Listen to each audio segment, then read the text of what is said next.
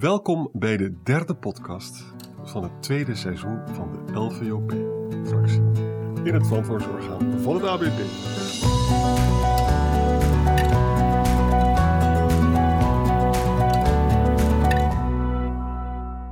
Vandaag spreken wij, Michael Visser en ik, met een hoogleraar internationaal pensioenrecht Hans van Meerten.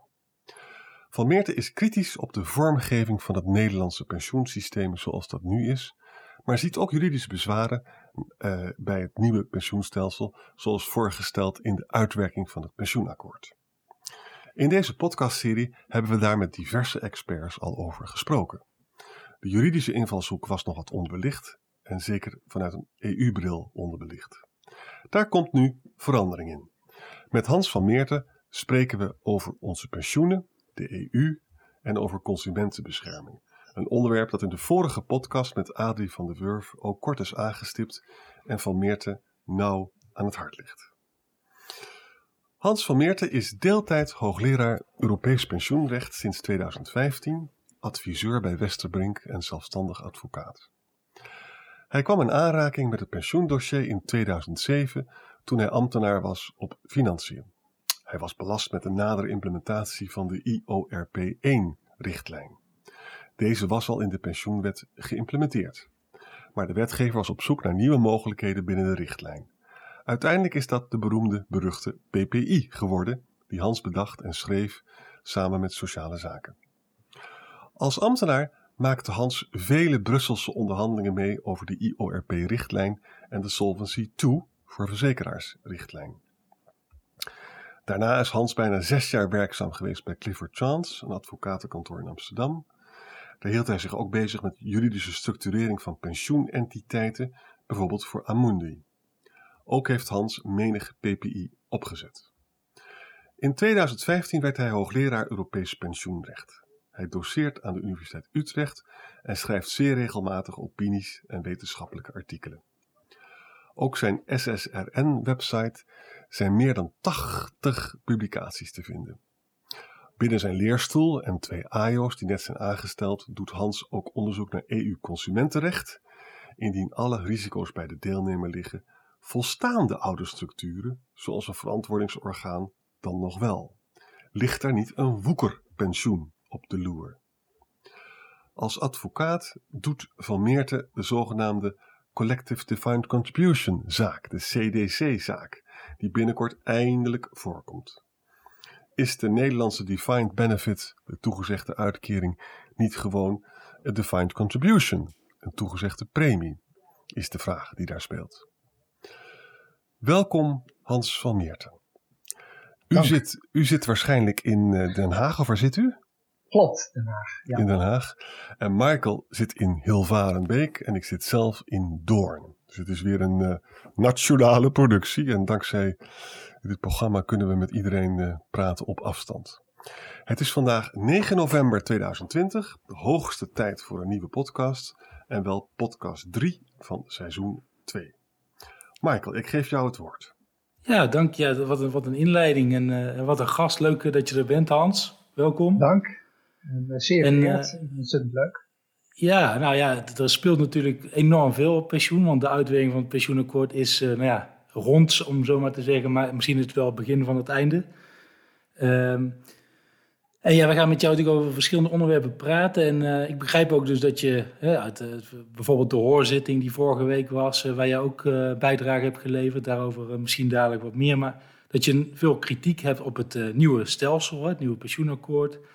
Um, en dat je zelfs denkt dat het nieuwe stelsel onverenigbaar is met het Europees recht op bepaalde punten. Maar misschien even een stapje terug. Ook, wat vind je eigenlijk van, de, uh, van het huidige stelsel, huidige contract? Als je bijvoorbeeld, uh, nou ja, we, we, zitten bij ABP hè, in het verantwoordingsorgaan.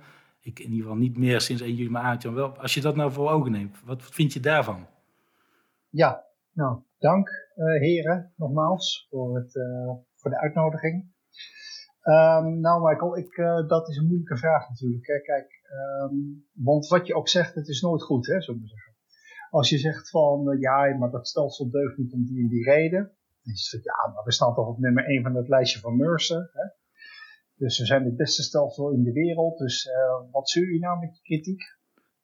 Uh, en anderzijds, als je allerlei kritiek uit of dingen zegt die goed gaan, dan is het van ja, maar dat is in het belang van die of die of die. Snap je? Dus het is eigenlijk nooit goed wat je zegt.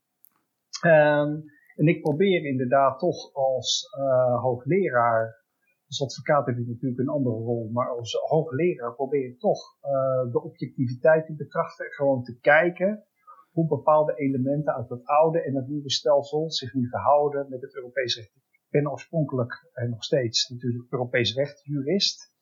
He, dus ik wil gewoon, zonder dat ik allerlei politieke oordelen ga innemen of standpunten ga innemen, gewoon bekijken hoe bepaalde onderdelen zich nu verhouden met dat juridische Europees rechtelijke kader.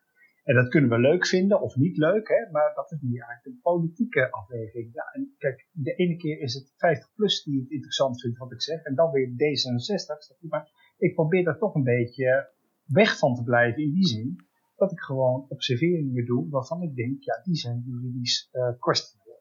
Ja, nee, dat is begrijpelijk. Oké, ik begrijp, dus jouw punt is misschien ook een wat grote vraag, maar mijn, mijn, idee daarbij was om vooral, hè, voordat we naar het nieuwe uh, contract gaan, en het is vaak ook ja, moeilijke materie, de overgang, het invaren, daar spelen een aantal dingen uh, als ik jouw stuk heb gelezen voor de hoorzitting recent in de Kamer ook wel. Dus misschien kunnen we, kun je een paar elementen dan even eruit halen nu bij het huidige contract bij en laten we even vooropnemen, de middelloonregeling bij ABP. Als ik mijn pensioenoverzicht krijg, staat daarop dat ik een uitkeringsregeling heb. Dus ik krijg een toezegging gedaan door werkgever. Er wordt een premie voor betaald. Hè, die zal nou, jarenlang in ieder geval niet kosten dekken, niet economisch kosten dekken. Er speelt van alles onder die motorkap. Maar ik krijg een toegezegde uitkering. Ja. Um, is dat, zo volgens jou? nou, uh, ik zeg het al een beetje op papier is dat zo. Hè? Want de hele systematiek natuurlijk, uh, hoe zo'n uitkeringsovereenkomst is vormgegeven, die is er natuurlijk op gericht om jou een bepaalde uitkomst hè, te garanderen. En dat ze kunnen korten en dat de aanspraak kan verminderen enzovoort. Dat maakt niet dat je op papier hè, de jure, zeg maar, rechtelijk gewoon een recht hebt op een uitkering, een uitkeringsovereenkomst. Nou kunnen we inderdaad wel zeggen dat er in de kleine lettertjes staat dat die uitkering helemaal niet gegarandeerd is. Hè, dat die niet vast is en dergelijke. Maar nogmaals, die hele systematiek daaromheen is er wel op gericht om die uitkomst na te komen. Ja. dat is echt een, echt een verschil, vind ik, met een defined contribution of een beschikbare premieregeling. Nou, en een van de onderscheidende elementen vind ik ook tussen die twee uh, regelingen, hè, dus de Defined Benefit uitkeringsregeling, die we op papier bij het ABP hebben, en de Defined Contribution regeling, de premieregeling, die veel bijvoorbeeld PPI's kennen, hè, is dat je daar, uh, is gewoon de simpele vraag, wie draagt uiteindelijk de risico's bij deze regeling? Nou, als we in beide gevallen kunnen concluderen, zowel ons Nederlandse DB als uh, het DC, dat in beide gevallen de risico's bij de deelnemer liggen. Niet een beetje, maar gewoon voor de volle bijna 100%, bijna 99% bij de deelnemer ligt. Ja, dan is in mijn optiek uh, het Nederlands DB hè, uh, vergelijkbaar met een defined contribution. Um, ja, en dat is dus dan ook de inzet van die rechtszaak die waar we zo nog over, over spreken. Dus daar lopen de, de, de, de, de, de, de, hoe heet dat, de gelijkenissen gaan er wel op met, um, met wat ik doe als advocaat. Maar in principe vind ik dat ook wetenschappelijk bezien, dat je kan goed kan betogen dat je een, een Nederlandse DB-regeling eigenlijk gewoon een CDC slash DC-regeling is. Oké, maar dan inderdaad, misschien gaan we zo even die stap maken dan naar die rechtszaak die nu speelt, want daar is dit dan een element uh, van. Maar dus uh, je hebt heel veel smaakjes ook qua regeling in Nederland. Hè? Dus zeg je daarmee eigenlijk, uh, het contract, hoe het op papier staat, is van belang, maar ook de economische factoren spelen mee, zoals het niet korten of dat soort zaken, hoe, hoe zeker het daadwerkelijk is, klopt dat? Nou, ik, uh, kijk, ik maak inderdaad altijd een onderscheid tussen uh, de de facto en de, de jure werkelijkheid, zullen we maar zeggen. En um, op die recht, uh, zeg maar juridische werkelijkheid, daar is ook bijvoorbeeld de btw-vrijstellingen opgehangen. Daar is, zou je kunnen betogen, misschien zelfs wel, de verplichtstellingen opgehangen. Aan een bepaalde zekerheid die jij kan ontlenen aan die uitgeveringsovereenkomst. Dus op het moment dat dat wegvalt, zowel de jure als de facto, zullen we zeggen. En de facto is dat natuurlijk al lang zo. Hè? Dat je kan daar geen uh, rechten aan ontlenen, of althans dat kan misschien wel, maar die zijn er niet. Bepaalde uitkering die jou is toegezegd, die kan niet worden waargemaakt in veel gevallen. Dus economisch is het al lang zo dat de, de, zeg maar, de aanspraak die jij toegezegd hebt gekregen al lang niet meer wordt gehaald. He, ja. Uit zich in niet indexeren bijvoorbeeld al, waar gepensioneerden al over klagen, 10, 12 jaar op een rij, hè, wordt er niet geïndexeerd. Ja, daarmee voorkom je eigenlijk dat het pensioen überhaupt niet waardevast is, of zelfs inflatievast is.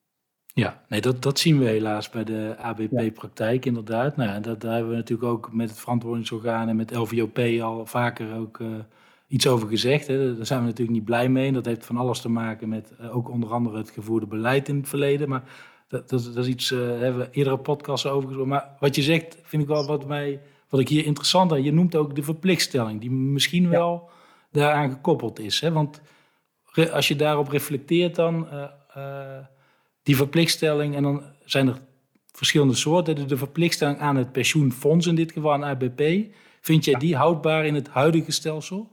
Nee, ja, het is een goede dat je dat even, dat onderscheid maakt. Hè, want uh, ik krijg vaak, ik krijg soms het verwijt van, ja, jij bent tegen de verplichtstelling. Hè. Dat is dus op zich helemaal niet zo. Hè. Waar ik moeite mee heb, is dat jij een verplichtstelling hebt aan een bepaald um, uh, pensioenfonds. Zoals bij het ABP. Een bedrijfstakpensioenfonds. Je zit verplicht, in dit geval laten we even ABP nemen. Je bent als ambtenaar verplicht aangesloten bij het ABP. Hè. Um, de grote verplichtstelling heet dat in jargon. Hè. Je hebt inderdaad ook de kleinere nog, maar we hebben het nu even alleen maar over de grotere.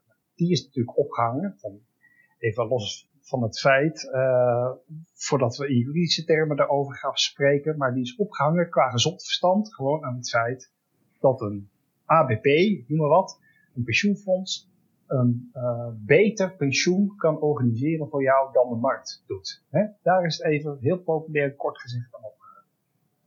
Dus een ABP moet jou een beter pensioen geven dan de markt kan. Even alle ins en outs daar gelaten, dat is eigenlijk gewoon het punt. Nou, en als je ziet hè, dat wij de facto een premieregeling hebben, hè, want de garanties die worden niet nagemaakt. Als wij de facto zien, of als wij gewoon zien, dat er marktpartijen actief zijn die gewoon hetzelfde pensioen kunnen aanbieden, misschien nog wel zelfs goedkoper dan een ABP dat kan, ja, dan is het gewoon even heel simpelweg de vraag, waarom zit ik nog bij een ABP of bij een andere verplicht gesteld pensioenfonds? Dat is geen kwestie van uh, leuk of niet leuk of uh, een hekel hebben aan. Of, dat is gewoon een hele pure juridische vraag.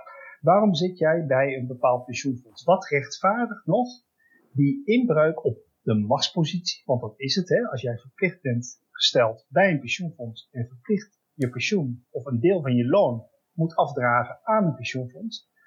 Dat vond, dat heeft het toch al jaren geleden gezegd, of in justitie in Luxemburg.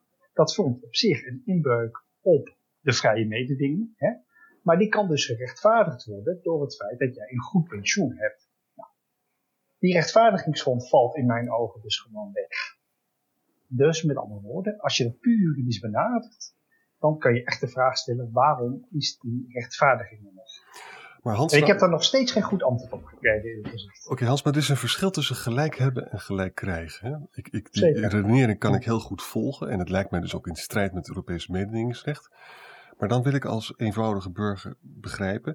Kijk, die verplichtsspelling die speelde altijd al. Hè? En op een of andere manier is die vermeende strijdigheid met Europees recht heeft er niet toe geleid dat dat doorbroken is. Hoe komt dat dan? Nee, dat is een heel goed punt, uh. En dat is inderdaad uh, waar ik al heel lang tegenaan loop. Kijk, ik ben actief in een bepaalde hoek, in een bepaald uh, segment van de markt, zeg maar, waar gewoon geen geld is. Maar we wel. Hè? Um, je neemt het op tegen partijen als een ABP, een PFZW en noem het allemaal op. Tegen echt de grotere spelers. Hè. Ja, als individu of als verzameling van individuen die klachten hebben, en dat is ook een van mijn grotere bezwaren tegen het stelsel, komen misschien zo nog op, dat je als individu eigenlijk gewoon niet al te veel kansen hebt tegenover die machtige spelers. Het is ook gewoon een kwestie van geld, simpelweg. Hè. De mensen waar ik uh, mee praat en waarmee ik probeer zaken te doen, ja, die hebben gewoon het geld niet om te procederen of om een vuist te maken met z'n allen tegen zo'n machtige financiële speler. En ik vind dat gewoon rechtsstatelijk bezien een groot probleem worden. En Hans, misschien kun jij dan, want dat heeft dat mee te maken, uh, maar misschien dat kun jij uitleggen. Dat, jij voert dan zaken vooral voor deelnemers, gepensioneerden en werkgevers, begrijp ik dan. Even als advocaat heb je het over, terwijl andere advocaten uh, die doen dat alleen voor de pensioenuitvoerder, zeg maar. Dat is dan nou ja, het die, systeem? Die zitten, die zitten meestal aan de andere kant inderdaad. Hè. Die uh, vertegenwoordigen het ABP of de PFCT's. En, en is het dan ook dat, je maar, dat jij dat ook alleen maar doet? Of zit jij ook wel eens aan die andere kant? Of is dat eigenlijk een, een soort afspraak dat je alleen dan maar uh, de uitvoerder, de fondsen, verzekeraars uh, bedient en de andere, of, of werkt, hoe werkt zoiets?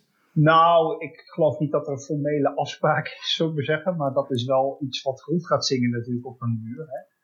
En uh, ja, je komt al snel in een bepaald kant terecht, zullen we zeggen. Ja, ja, oké. Okay. Dus uh, zo werkt het gewoon helaas, of helaas, zo werkt het gewoon ja. wel.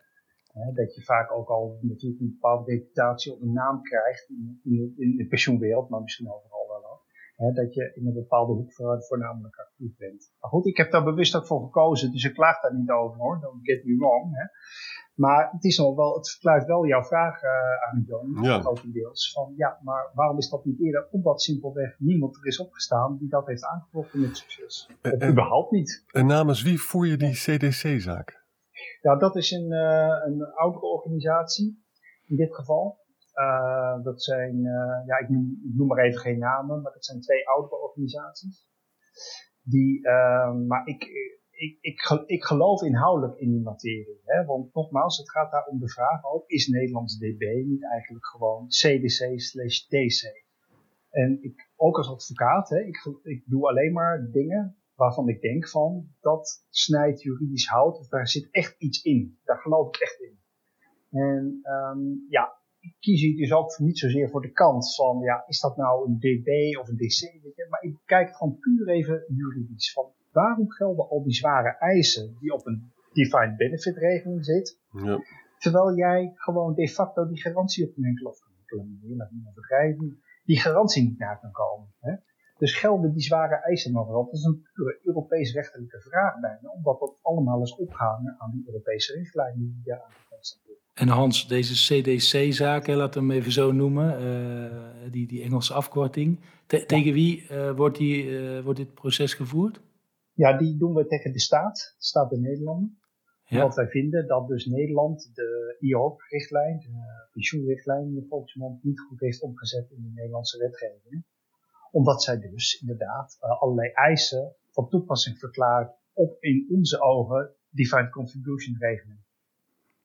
Oké, okay. en, en, en, doe je dat dan, want is dat dan voor alle, want je noemt even dat Nederlands uh, DB eigenlijk DC is. Is het dan ook een, een algemeen kader? Of, want ik kan me dus voorstellen, ik zeg, er zijn in Nederland nou, nog steeds bijna 200 pensioenfondsen met meerdere regelingen. Er ja. zitten verschillende smaakjes aan. Dus hoe, hoe moet ik me dat voorstellen? Gaat die, deze rechtszaak gaat dat iets betekenen voor ons als ABP-deelnemers? Of, uh... Nou, kijk, ik heb dat, daar heb ik ook geen geheim van gemaakt tegenover die uh, oudere organisaties. Ik denk dat je dat dus in twee stappen moet zien. De eerste stap die je moet nemen, waar we dus nu mee bezig zijn, is om te kijken van hoe kwalificeert Nederlands DB nou eigenlijk onder die IOP-2-richtlijn? Nou, en als we daarin gelijk krijgen, dan kan je met die uitspraak in de hand natuurlijk een afzonderlijke regeling gaan pakken bij een ABP of. Hè? Maar dan moet je die regelingen destilleren als het ware van het overige wat in die, in die fondsen zit. Hè? Maar dan kan je in ieder geval beter betogen dat dat deel, pro rata zou ik bijna willen zeggen, van de regelingen die in een ABP zitten, dat die in ieder geval niet als uh, defined benefit gekwalificeerd moeten worden. En dat daar, daarop dus ook niet die hele kortingsmechanieken op de toepassing zijn. Dus het is eigenlijk een tweetrapsraket. Hè? Eerst moet je deze zaak winnen, zien te winnen natuurlijk. En met die uitspraak in de hand kun je dan vervolgens betogen. Ja, wacht eens even. Die regeling die PFZW nu uitvoert, ik noem maar wat, hè. Dat is dus kennelijk in sommige gevallen geen defined benefit regeling. En dan kan je daarvan dus, uh, snap je, kan je een uh, onderscheid gaan maken. Bij ons hoor je de sirenes al, Hans. Ik weet niet of dat, dat een goed teken ja. is voor, jou, uh, voor jouw rechtszaak, maar of, of juist wel. maar. Hey, maar Hans, even nog die verplichtstellingen afmaken. Ik zit er nog even voor te brainstormen. Ik vind het eigenlijk waanzinnig interessant. Kijk, weet je wat ik bedacht heb net? Het is het volgende. Er zijn natuurlijk marktpartijen of toekomstige marktpartijen die kansen zien. Ja? Zeker. En als het je dus lukt om bij, de, bij het Europese Hof die verplichtstelling aan te pakken, dan zijn een heleboel pensioenfondsen zijn cooked, zijn gewoon toast. Ja. En dan zijn er heel veel partijen die zeggen van ja, wij kunnen voor, voor veel minder geld kunnen wij iets aanbieden. Ja. Met andere woorden, die zouden misschien ook bereid zijn om zo'n rechtszaak te financieren. Ja. Nou ja, eh, ze kunnen me bellen. nee, nee, maar snap je, dat is niet mijn insteek. En dat is nog steeds niet mijn insteek. Uh, ik bekijk het gewoon even puur, even juridisch gezien. Hè? Ja. Van waarom zit ik überhaupt bij een APP? En dat er inderdaad partijen zijn die daar belang bij hebben om dat allemaal op te heffen, dat zal best. Hè? Ja. Net zo goed als er ook partijen zijn die belang hebben bij de instandhouding van de status quo. Hè? Dus je kan net zo goed betogen dat degenen die eigenlijk opkomen procederen voor de bestaande structuren daar natuurlijk ook een belang bij hebben. Hè? Dus snap je, zo zijn we nog wel even bezig. Je kan altijd van een belang ontdekken. Ik probeer gewoon even nu puur juridisch te kijken van oké, waarom zit ik verplicht nog bij een bepaald pensioenfonds? Punt. Ja. Wat rechtvaardigt dat? Maar dan Ja, het en, volgende punt, maar ook bij het nieuwe stelsel speelt die verplichtstelling. Hè? En ik stel me zo voor dat de minister heeft eh, goede juristen om zich heen. Ik bedoel, dat, dat zal toch moeten. Ja. En, dan, en waarschijnlijk wordt dit hele vraagstuk, en dan is het gezegd van jongens, krijgen we shit met die verplichtstelling? Is dat houdbaar? Hè? En daar wordt een inschatting daar gemaakt. Is het, moet ik het dan zo zien dat men denkt van, nou ja, kennelijk is het in de huidige balance of power niet zo dat, je moet waarschijnlijk tien jaar procederen bij het Europees Hof, stel ik me zo voor. Ja. En dat betekent dus dat de powers that be, hè, die, die redden het nog wel. En dan in, Ja, ja? ja ik, ik weet niet of jij uh, of jullie uh, een beetje de hoorzittingen gevolgd hebben, want daar ging het ook deels over dit punt. Zeker. En in, inderdaad was het zo dat Koolmees in een, uh, een antwoord op een bepaalde vraag heeft gezegd van ja, mocht dat inderdaad blijken dat dat juridisch niet houdbaar is, ja, dat zien we dan over een paar jaar wel weer. Nou, ik vind dat om meerdere redenen bloedlink en bovendien ook ja, niet getuigen van echt goed beleid, zullen we zeggen. Hè? Kijk, als je gaat gokken op een procedures van jaren, of gokken, ik zeg het even simpel, hè, maar in ieder geval daarop inzet. Dat ja, maar jongens, mocht het allemaal niet houdbaar zijn, dan zien we dat over zes jaar wel weer. Ja, ik vind dat niet getuigen van visie en uh, doordacht beleid, omdat je, A, klopt het niet. Hè? Want je kan natuurlijk nu, zoals ik ook betoogd heb in het verleden, in allerlei artikelen ook, van, je kan nu bijvoorbeeld op grond van dat Europees Unie-handvest direct naar rechter stappen, hè, naar de kantoorrechter hier om de hoek, bij wijze van spreken. Ja. Door al direct te zeggen, direct, direct horizontale werking noemen we dat dan in jargon, hè. Van Genteloos. Ja. Ja, bijvoorbeeld. Hè? Door al direct te zeggen, van, ja wacht eens even jongens, uh, jullie handelen hier in strijd met uh, Europees recht in die reden. kan je het direct toetsen. Dat je, als je geluk hebt, binnen drie maanden al uitspraak. Hè?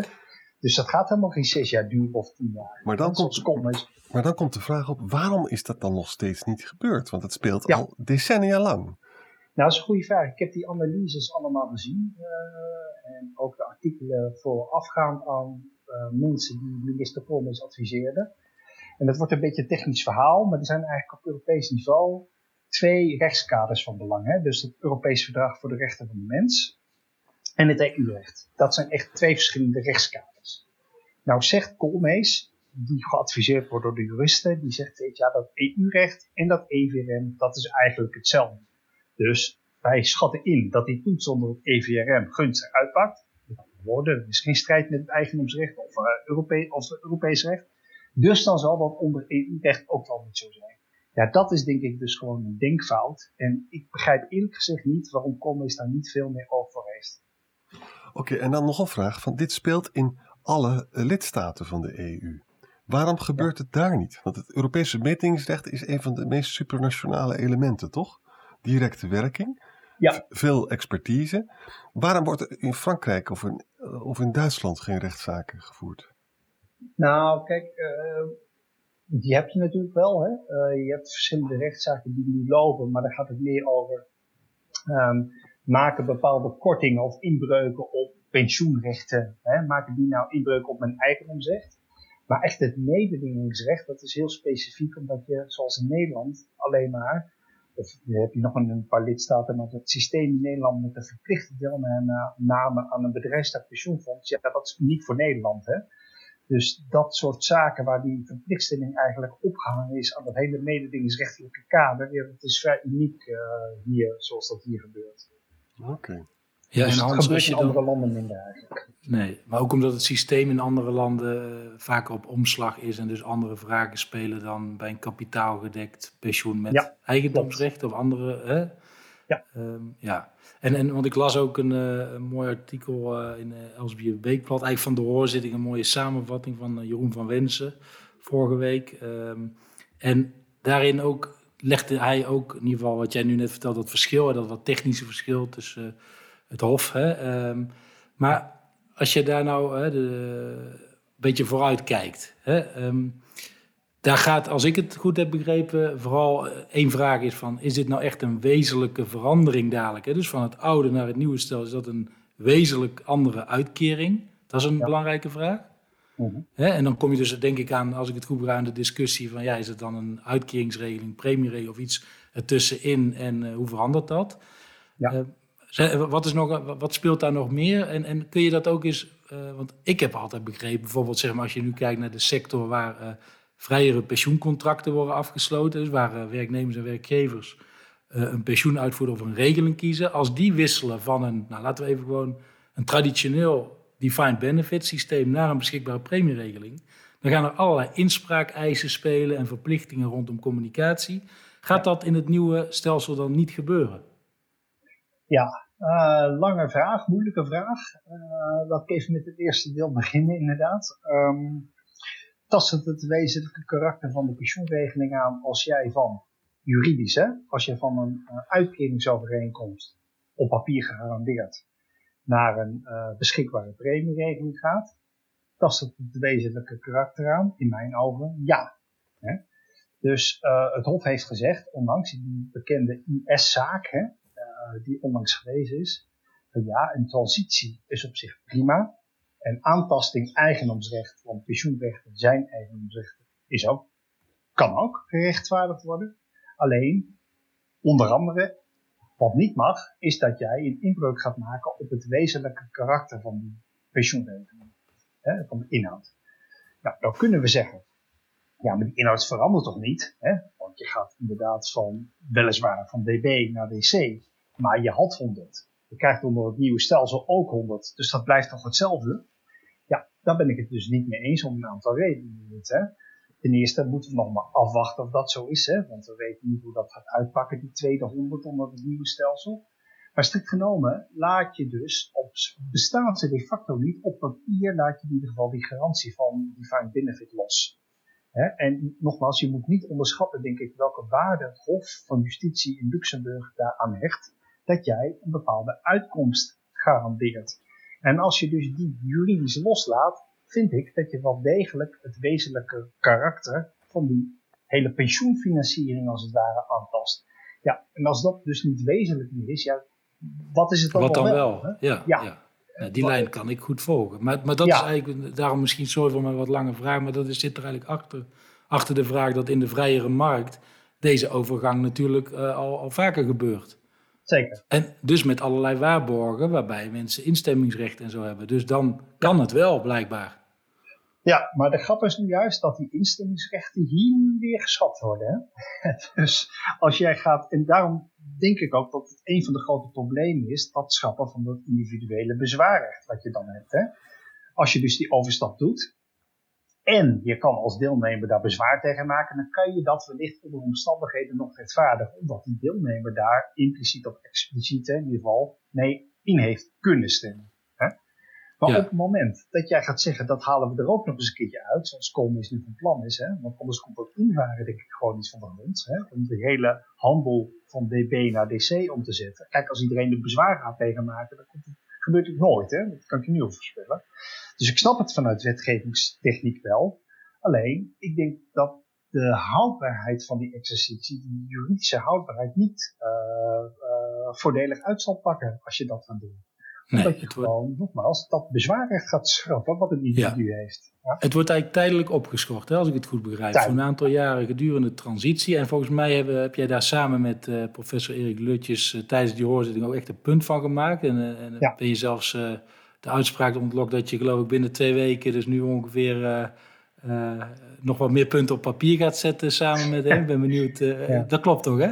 Ja, dat klopt, ja. Ja. ja. Ik meteen dus, spijt van hoor. Nee, oh, nee. nee, maar in die zin, het is heel belangrijk. En dat merkte ik toen ik die hoorzitting keek ook. Dat er gewoon veel vragen, denk ik, ook terecht over spelen. Moet je nagaan bij politie, maar wat mensen thuis hier van zullen denken. Wat er met hun pensioen gebeurt. Me dunkt dat je daar ook zelf iets van zult vinden. Hè? Dus een bepaalde vorm van instemming. Uh, als die wordt opgeschort, dat je daar iets van vindt. Dus heb jij daar ideeën bij? Want uh, hoe dat dan wel te doen? Hoe dat beter ja, te nou, doen? Ik heb uh, in het verleden kijk, verschillende studies en artikelen geschreven over oplossingen. Er wordt mij vaak ook verweten van ja, maar je hebt alleen met kritiek en geen oplossingen. Ja, dan zeg ik van kijk even gewoon die pagina uh, waarin al die oplossingen staan. Hè, al. Um, alleen ja, snap je, men wilde niet aan, maar dat is een ander verhaal. Hè.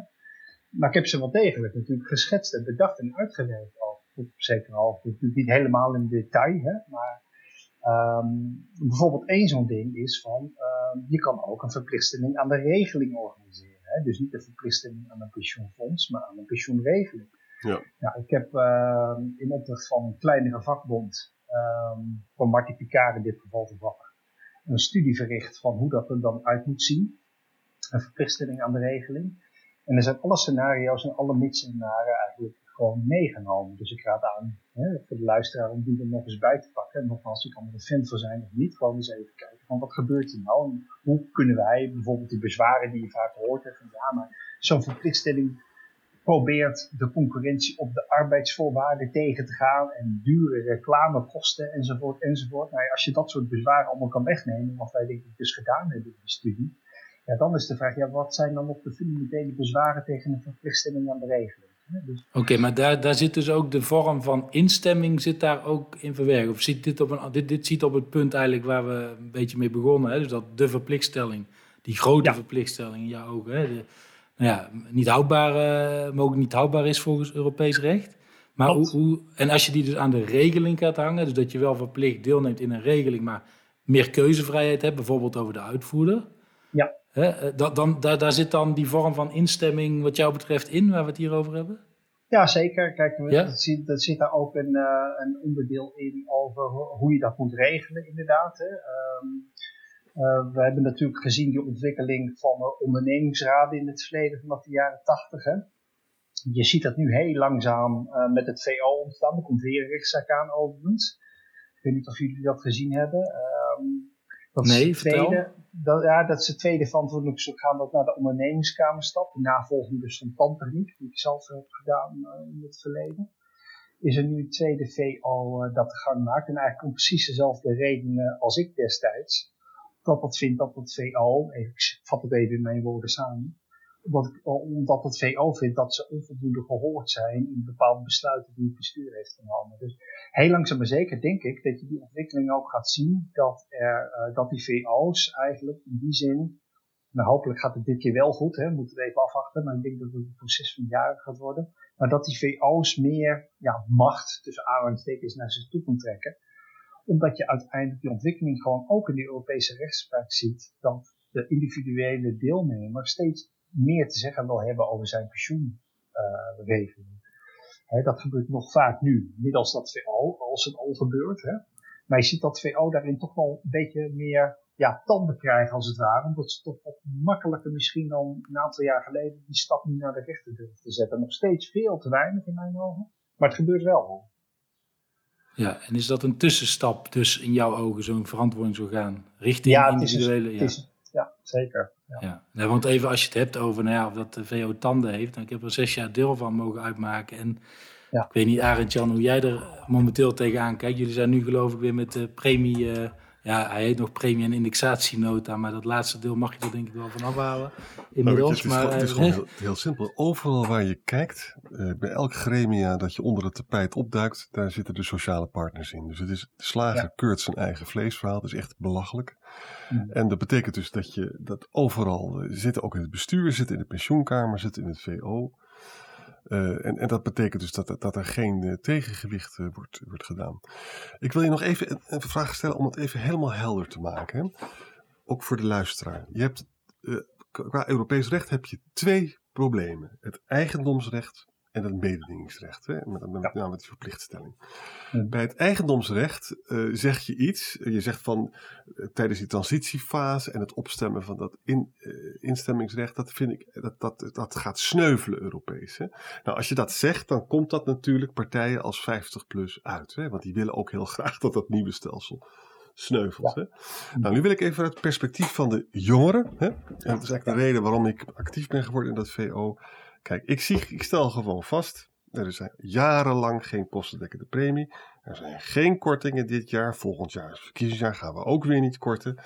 En, en er zijn torenhoge ambities. Nou, als je het allemaal tot je door laat dringen, dan betekent dat gewoon dat dus de, de rekening wordt geschoven naar de jongere generatie. Dat is eigenlijk wat er aan de hand is. Hè? Nou, als je daarnaar kijkt, dan ben ik dus, dan praten we over dat beroemde invaren. Hè? Jij denkt dus bij dat invaren dat dat misgaat, uh, dat dat strijdig met Europees recht. Ik ben bang ja. dat er met dat invaren dat dat niet transparant gebeurt. En, en dat daar gewoon nog eens een keer uh, een rekening wordt gepresenteerd aan jongeren. Wat, ja. wat vind je daarvan? Nou, eigenlijk zeg jij dus ook, je bent ook tegen invaren, alleen omdat jij dan vindt dat de rekening bij de jongeren terecht is dat ongeveer een goede nou, nou, nou, kijk, in, kijk, invaren, dat zal, zal moeten gebeuren. Ik, dat, dat, ik zie niet hoe ja, het anders zou moeten kunnen.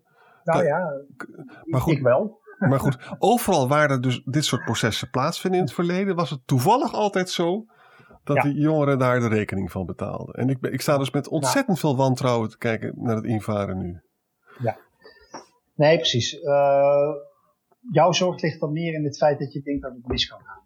Ja. Althans, oké, okay, voor die generatie. Nee, maar goed, jij zegt, uh, ik zie niet hoe het anders zou moeten, dat invaren. Uh, ik uh, heb in het verleden, nog niet zo heel lang geleden, een alternatief gepresenteerd om niet te hoeven invaren.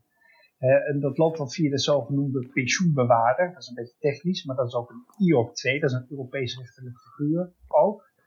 Uh, dat is een entiteit die jij kan aanwenden om een, zeg maar, carve-out te maken tussen opgebouwde en uh, bestaande rechten, zeg maar, tussen oud en nieuw. Hè? En als je dan ook nog eens een keer de keuze geeft aan de pensioenspaarder of deelnemer, of het ook wil noemen, om wel of niet die overgang te doen, hè, dan denk ik dat je Europees rechten gezien veel EU-proof bezig bent en ook veel eerlijker bezig bent. Want mijn grote bezwaar in dat uh, invaren ligt gewoon. Kijk, je kan het leuk vinden of niet, maar er zijn gewoon. Pensioen is gewoon een eigendomsrecht. Hè? Die ja. uh, toezeggingen die gedaan zijn aan ouderen in dit geval, dat zijn gewoon eigendomsrechten. Hè, dat kan je niet wegpoetsen zelf. Dat kan, je, dat kan je niet leuk vinden misschien, weet je wel, maar dat, dat is gewoon een gegeven. Ja. En als men dat nu ineens wil omzetten naar een andere, minder harde aanspraak, ja, dan is dat gewoon of je, nogmaals, of je het leuk vindt of niet, een, een aantasting van het eigendomsrecht. Punt. Bijna, hè? Of die inbreuk dan gerechtvaardigd is of niet, dat kunnen we al vertwisten. Hè? Maar dat zie je gebeuren. Dus ik zou bijna willen zeggen, of bijna, ik zeg, blijf van het invaren weg. En probeer op een andere manier dat op te lossen. Ja, middels dus bijvoorbeeld die pensioenbewaarder. Maar ja. is, daar, is er politieke kans op Nee. Nee, dat, dat denk ik dus ook. dat, dat, denk ik dus ook. Nee, nee, dat is, die politieke kans is nul. Ja. Wel. Maar om dan te zeggen, ja, dan gaan we toch maar eens even bedenken hoe we dat invaren mogelijk moeten maken. Ja, volgens nog ben ik nog niet zover. Maar, maar jullie zorgen, als ik het zo hoor, zitten dus net op andere punten bij dat invaren. En ik, het doet mij terugdenken aan een eerdere podcast die we met Martin Picard opnamen, Arend Jan. Ja. En waarin hij ook zei, joh, dat invaren, stel dat nou niet verplicht, hè, maak het ja. optioneel, hè, dus geef eigenlijk deelnemers een stem. Ja, ik voel daar ook wel voor, ja. persoonlijk. Ja. Hè, um, maar inderdaad, de keuze zoals hij nu in het pensioenakkoord zit, is het eigenlijk invaren tenzij. En die tenzij, daar kunnen dan pensioenfondsen uh, zelf, uh, als ze het niet rondkrijgen qua evenwichtigheid of eerlijkheid, ja, een andere keuze maken. Maar daar komt denk ik jouw zorg, als ik het zo zie, Arend Jan boven en denk ik ook terecht er komen dadelijk gewoon nog een aantal momenten dat er weer herverdeling kan plaatsvinden. En dan voelt ja, ofwel jong ofwel oud zich benadeeld. Het is, wel, dus, het is controle van de Nederlandse bank en van de AFM op, geloof ik. Hè? Klopt dat? De herverdelingseffecten van het invaren worden beoordeeld door de Nederlandse ja. bank. Mm -hmm. Dat volgens mij wel. Nou ja, ja kijk, dat uh, moet nog uitgewerkt worden. Hoor. Dus hoe en oh. waarop precies. Uh, volgens mij zit er een behoorlijke, ja, zoals ze dat noemen, discretionaire bevoegdheid bij die pensioenfondsbesturen. En ja, dan, dan kun, je, kun je allerlei berekeningen maken en die kun je terug laten voeren tot tien jaar geleden of tot twintig jaar geleden om het rond te krijgen. Maar uiteindelijk, je kunt het volgens mij nooit op individueel niveau goed doen. Hè? En, en dus, dus ja, de, nee, is, hoe ga je inderdaad zo dat, dat, dat uh, kijk, dat was natuurlijk de hele discussie. Hè? Moeten we invaren nou verplicht stellen vanuit de staat? Of gaan we het quasi verplicht stellen? Want dat is eigenlijk wat er nu gebeurt, maar dan op fondsniveau. Hè?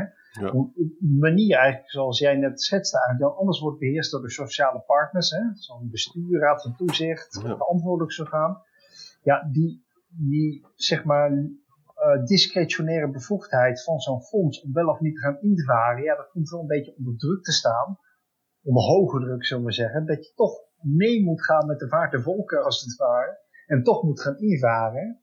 En dan was er nog even sprake van, ja, misschien moeten we dat VO, verantwoordelijksgaan, daar een rol in gegeven. Maar daar zijn Dutjes en ik het dus wel bijvoorbeeld over eens. Ja, dat zie ik echt niet, echt niet gebeuren hoor. Dat het VO nu ineens moet mee gaan besluiten of dat invaren wel of niet een goed idee is of evenwichtig moet gaan gebeuren. Dat, dan klop ik bij Arend Jan uit als het uh, misgaat voor mijn. Uh, ja, maar het probleem is, het VO is niet evenwichtig samengesteld, dus dan gaat het daar ook mis. Ja. ja. ja. Nee, goed, maar daarom zeg ik gewoon, laten we gewoon proberen toch dat individuele bezwaarrecht te behouden, wat gewoon nu in uh, de pensioenwet zit voor normale waarden overdag, zullen we zeggen. en probeer dat invaren dan op andere manieren te organiseren. Ja, en hoe, daar heb ik een aantal voorstellen voor gedaan eens. De kans dat die bewaard worden is relatief nul. Hè? Maar ja, dat maakt niet dat het uh, geen goede voorstelling is.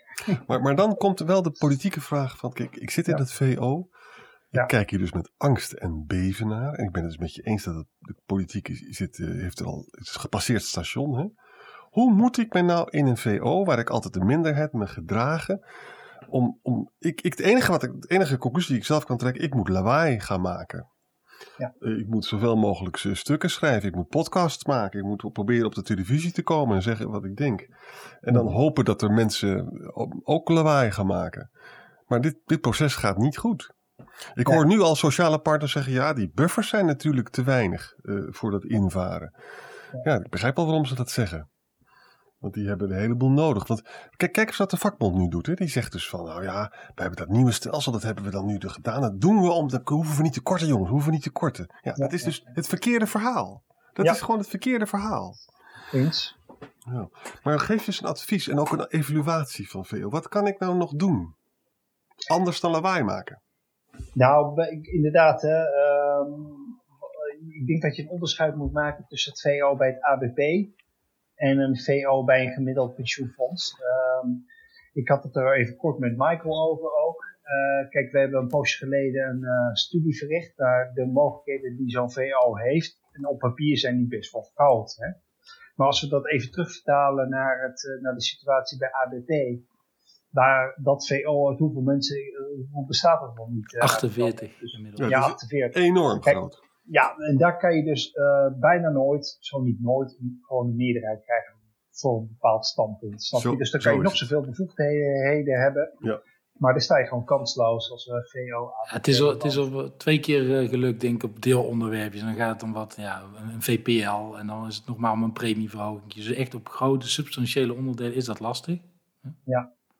Nee, maar goed, dan ben ik bang eh, inderdaad dat je weinig anders rest dan lawaai te maken hè, naar buiten toe. Ja. En, ja, want binnen dat VO ben je gewoon kansloos, laten we wel Ja.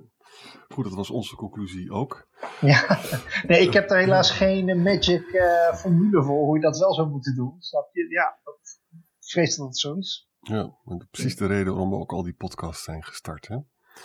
Ja. Uh, Michael, heb jij nog een vraag of zullen we gaan afronden? We zitten op de 45 minuten. Ja, we hebben zoveel te bespreken en dan, voor mij zijn er nog veel meer EU- en pensioenonderwerpen. Maar die kunnen we misschien in een volgende podcast met Hans uh, bespreken als hij daar nog wat tijd voor uh, wil maken. Ja, ja, dit was Hans? eigenlijk een soort van inleiding, hè? Want we ja. moeten, ik heb het gevoel dat we echt de hete hangijzers nog even moeten bespreken met z'n allen. Ja, dat kan. Ehm, en inderdaad, ja, weet je, je kunt nog verder wat dieper uh, onder de motorkap gaan kijken. Maar het moet ook begrijpelijk uh, blijven. Ja. Uh, en, maar, maar, is dat een idee dat we gewoon nog ja. even kijken wat we nog over wat interessante EU-zaken die spelen voor deelnemers ja. een volgende podcast maken? Gaan we doen, gaan we doen. Ja, graag. Ehm, Dames en heren, beste luisteraars, dit was de derde podcast van het tweede seizoen. Wij gaan zo de vierde podcast opnemen. Dan gaan we nog veel dieper in op uh, allerlei EU-vraagstukken. Uh, tot zover wij danken Hans van Meerten nu alvast voor het delen van zijn expertise. Maar we zijn nog niet klaar, want we gaan dus met podcast 4 gaan we nog doen. Hè? In detail over de EU nu invloed heeft op onze pensioen, of dat een goede zaak is. En over de bescherming van de consumenten bij pensioen. Kan die niet beter. Voor nu bedankt voor het luisteren en tot de volgende